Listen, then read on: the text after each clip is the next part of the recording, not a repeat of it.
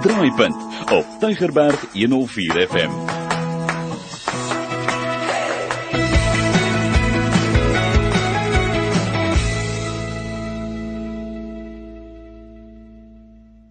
Baie welkom by ons getuienisprogram Draaipunt. En baie dankie dat jy opdaag en dit nogal op 'n Vrydag aand 9uur. Onthou Draaipunt word weer herhaal op 'n Sondagmiddag 06:30. As jy 'n getuienis het, SMS net vir my die woord Draaipunt na 32716. Dit kos jou R1 of stuur 'n WhatsApp na 084 66 14104 en dan bel ek vir jou ons maak 'n afspraak en ons deel ook jou getuienis met ons luisteraars. By my in die ateljee vandag het ek regtig 'n sprankelende jong dame en sy het besluit om anoniem te bly. Daarmee het ek geen probleem nie. Maar as jy vandag na haar verhaal luister, glo ek dat baie van ons luisteraars hulle self in daardie verhaal gaan sien. Maak nie saak of jy vandag 'n man of 'n vrou is nie. Want dit wat met haar gebeur het, gebeur met seuns en met dogters. Maar die belangrikste vandag is om te onthou dat daar altyd hoop is. So baie dankie dat jy ingekom het en dat jy besluit het. Ek wil amper sê die dapper besluit gemaak het om jou getuienis met ons te deel. Baie nou, dankie.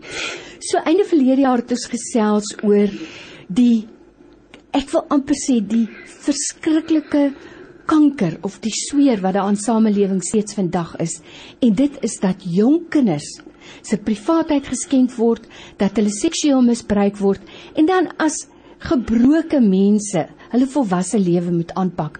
Jy was self daar. Waar begin jou storie? My storie begin toe ek 6 eh, jaar oud was en um my oupa het besluit hy wil hy wil my seermaak en hy hy wil my um my kom seksueel um tuister en um in die aande wanneer ek geslaap het dan het hy gekom en hy het my kom vat en um wel dit het vir jare aangegaan um totdat hy oorlede is aan die einde van die dag het hy my um gemolesteer uit my verkrag en um aan die einde van die dag as 'n klein kind weet jy regtig nie wat wat reg is of wat verkeerd is nie. Um jy probeer met jou ouers te praat, maar hulle glo mense nie. En ehm um, jy voel net moedeloos want ehm um, aan die einde weet jy ook nie okay ehm um, gaan mense sleg dink van jou en ehm um, omdat dit aangehou het totdat ek in my 20's was, het mense mense kom later op by punt van jy voel vuil, jy jy voel actually okay, maar my trouman gaan nie my my respekteer meer nie hmm. want ek is ek is nie meer 'n virgin in daai opsig nie. Weet jy dis dit is dis vir my so hartseer dat ek partykeer as ek net daaraan dink dat daar kinders is wat daardie moet gaan het ek 'n knop in my keel kry. Nou moet ons een ding verstaan. Dis 'n volwasse persoon wat nou na 'n 6-jarige kind toe kom. Hulle is geslepe, hulle is slim, hulle weet hoe om 'n kind te manipuleer en te laat verstaan dat die kind self skuld het aan hierdie probleem. 'n Groter probleem vir my, 'n groter probleem is dat ouers baie keer soos in jou geval 'n kind nie glo nie. Nou wil ek tog vir jou vra. As 'n jong kind, jy sê nou wel, 'n mens het nie begrip en is waar, jy het geen begrip wat wat gebeur met jou nie. Het jy ooit met maats gepraat daaroor of met 'n onderwyser of enigiemand anders in jou vertroue geneem? Toe ek 16 jaar oud was, het ek begin uitreik wat ek gedink het ek wil graag met mense praat. Ehm um, en ek sal met 'n maatskaplike werker en goed daaroor gepraat het, maar as as gevolg van vrees en omdat my ouers my geglo het nie, mm. het ek net aan die einde weer teruggegaan en gesê, "Oké, okay, ek het gejok." Want ek kon nie ek kon nie daai vulnerability oopgemaak het en ek like, regtig okay, ek net vir mense te sê en toe ek 16 jaar oud was, het ek probeer selfmoord pleeg gepleeg omdat ek uh, ek kon nie daaroor praat nie, ek kon nie oopmaak nie. So dit was vir my eintlik maar die enigste uitweg om uit al hierdie pyn en onsekerheid te kom. En 'n baie belangrike ding vir my, 'n baie belangrike vraag is ouers.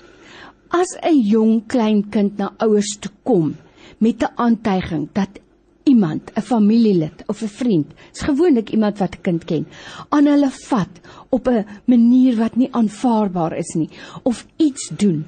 Hoe moet ouers re reageer? Ek sê altyd 'n kind 'n kind kan nie jok oor sulke goed nie. So hoe moet ouers reageer? Wat sou jy wou hê moet daar gebeur? Ek sal sê um ouers is baie keer versigtig om te glo, maar weet julle wat dat kinders se gedrag wys dit. Baie keer kinders gaan um, skaam raak, hulle gaan nie meer praat nie, hulle gaan nie meer na die persoon toe wil gaan nie.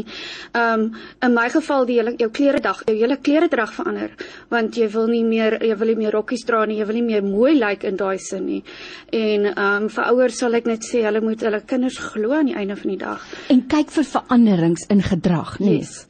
Ja, en ehm um, ek sal sê ehm um, vra bietjie uit, wees daar vir die kind en moenie net die hele tyd kritiseer nie. Ek sal sê staan terug, luister na die hele storie en in plaas van om te sê, "Oké, okay, maar kan nie so wees nie en die persoon is nie so nie."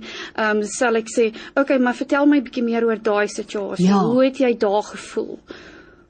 Dis vir my baie belangrik. Met ander woorde om op 'n op 'n baie ehm um, versigtige manier by die kind besonderhede uit te vind. Plek. Wat het gebeur? Presies wat was die omvang? Maar weet jy, ek wil tog vir jou vra vandag, dink jy nie dat as daar in die eerste plek nie 'n goeie kommunikasie is tussen ouers en kinders, dan gaan hierdie gesprekke mos nie eintlik lekker plaasvind nie. So hoe belangrik is dit vir ouers om 'n kind veilig te laat voel in 'n gesprek, om oop kommunikasie te hê? Ek dink dit is kardinaal, is baie belangrik wat anders gaan kinders nie daai vertroue hê om oop te maak nie. Dis baie waar. Dit is absoluut waar. Nou vandag aan die ateljee het ek 'n gas wat met jou en met my gesels oor 'n lewe van jarelange seksuele misbruik deur 'n familielid, in hierdie geval 'n oupa. Ouers het dit nie geglo nie en dit het 'n lewe van groot probleme tot gevolg gehad. So in jou volwasse lewe, jy het net nou reeds genoem, dit het wel 'n effek op jou lewe gehad.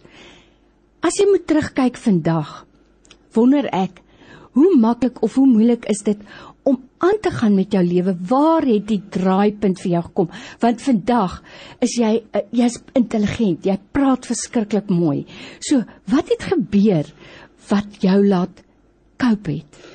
'n draaipunt in my lewe was toe ek betrokke geraak het by 'n kerk en werklik waar God se liefde ervaar het.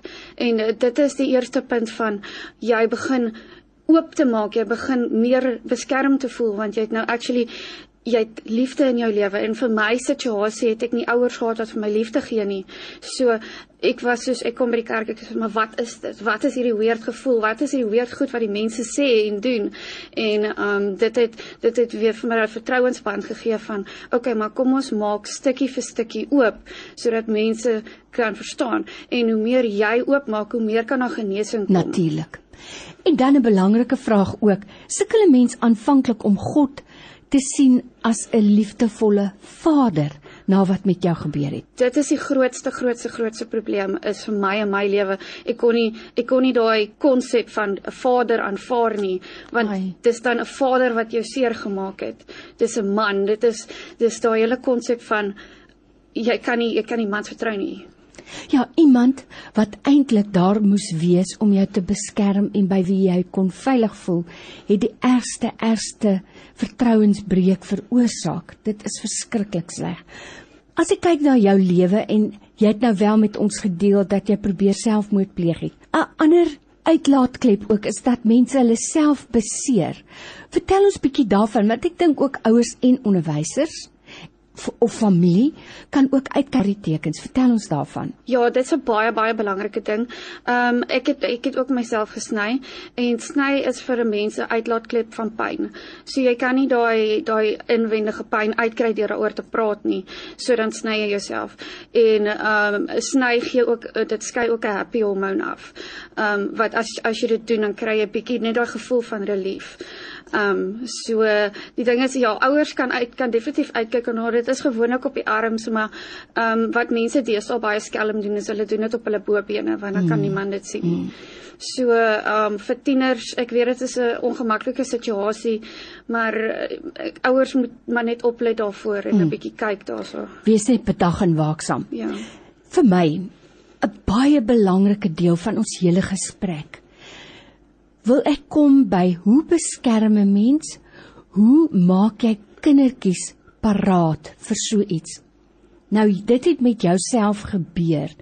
Maar as jy nou vir ouers kan raad gee wat nou nog ou klein kindertjies het, jy weet, as ek baie keer na hulle kyk, dan word my hart so seer om te dink dit is so onskuldige kind. Dit is soos 'n verfdoek, soos 'n canvas waarop jy kan mooi prentjies skilder of iemand kan kom en 'n gat daarin sny.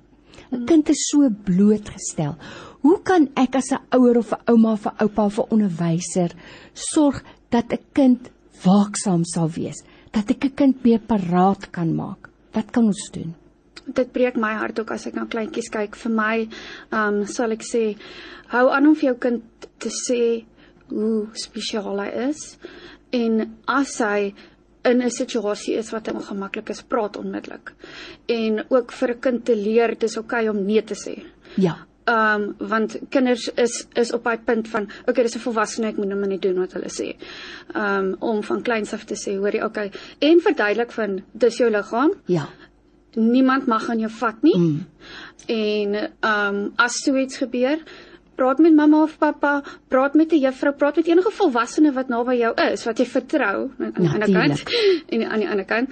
Ehm um, en ek dink dit is dis die belangrikste dat jy net vir daai kind laat besef hoe spesiaal hy is en hoe spesiaal sy liggaam is. Sjoe, weet jy wat? Eintlik dink ek is dit die sleutel tot alles om vir jou kind gereeld te verseker, af te buk na sy vlak toe en in die oë te kyk en te sê ek is lief vir jou. Yes. Jy's spesiaal. Ja. Jy is waardevol. Niemand mag jou seermaak ja. nie. Niemand mag lelik met jou wees nie. En dan net ten slotte. As 'n kind nou na 'n ouer toe kom, ek praat nou namens ouers wat nou na ons luister en met hierdie allerverskriklike ding uitkom dat hierdie persoon het onvanpaste gedrag getoon teenoor my. Kind sê dit nou in sy woorde. Nou dit neem ek aan moet vir die ouers 'n skok wees, want hier kan jy nou families uitmekaar ruk. Ons het gesels met 'n persoon wat daarvan kom getuig het. Wat moet 'n ouer se eerste stap wees? Hoe benader jy dit met daai ander volwassenes? Want ek dink hulle floreer op die feit dat hulle weet niemand weet daarvan nie. Ja. Ek sal sê, ehm um, vir 'n ouer aan daai kant vir my dit altyd gevoel my maale kies my oupa se kant. Mm. So op daai manier sal ek sê hulle hulle moet die persoon nader en sê, "Oké, okay, dit dit dit is wat wat daar gesê is en ons glo my kind." Verduidelik asseblief die situasie. Waar jy so jy gaan in die situasie en sê ek kies my kind se kant. Verduidelik. Ek dink jy som dit perfek op, want ek dink al klaar net die blote feit dat daai persoon weet dat die vletjie geblaas is, ja. sal noodwendig 'n verandering moet teweegbring. Weet jy wat? Ek sê weer vir jou tyd vandag vir die dapper besluit wat jy geneem het om jou getuienis met ons te deel, kan ek nie my dank genoeg uitspreek nie. Ek wil net vir jou ten slotte vra, sou jy bereid wees om met mense te gesels hieroor in 'n groep miskien of individueel? Ja, enige tyd. En as as dit so is, ehm um, kan ek vir mense vra om vir ons te SMS en dan sal ons hulle met jou in kontak bring. Ja, is 100%. Baie dankie. So dis ons draaipunt vir vandag. As jy met 'n persoon wil gesels of as jy ons gas in die ateljee vandag wil nooi om met 'n groep te kom gesels, stuur asseblief vir my 'n SMS en vra vir my Die datum van die draaipunt uitsending is die 25ste Januarie en dan sal ek vir jou in kontak bring met hierdie persoon. Vir jou tyd vandag, ek waardeer dit baie, dankie. Plesier.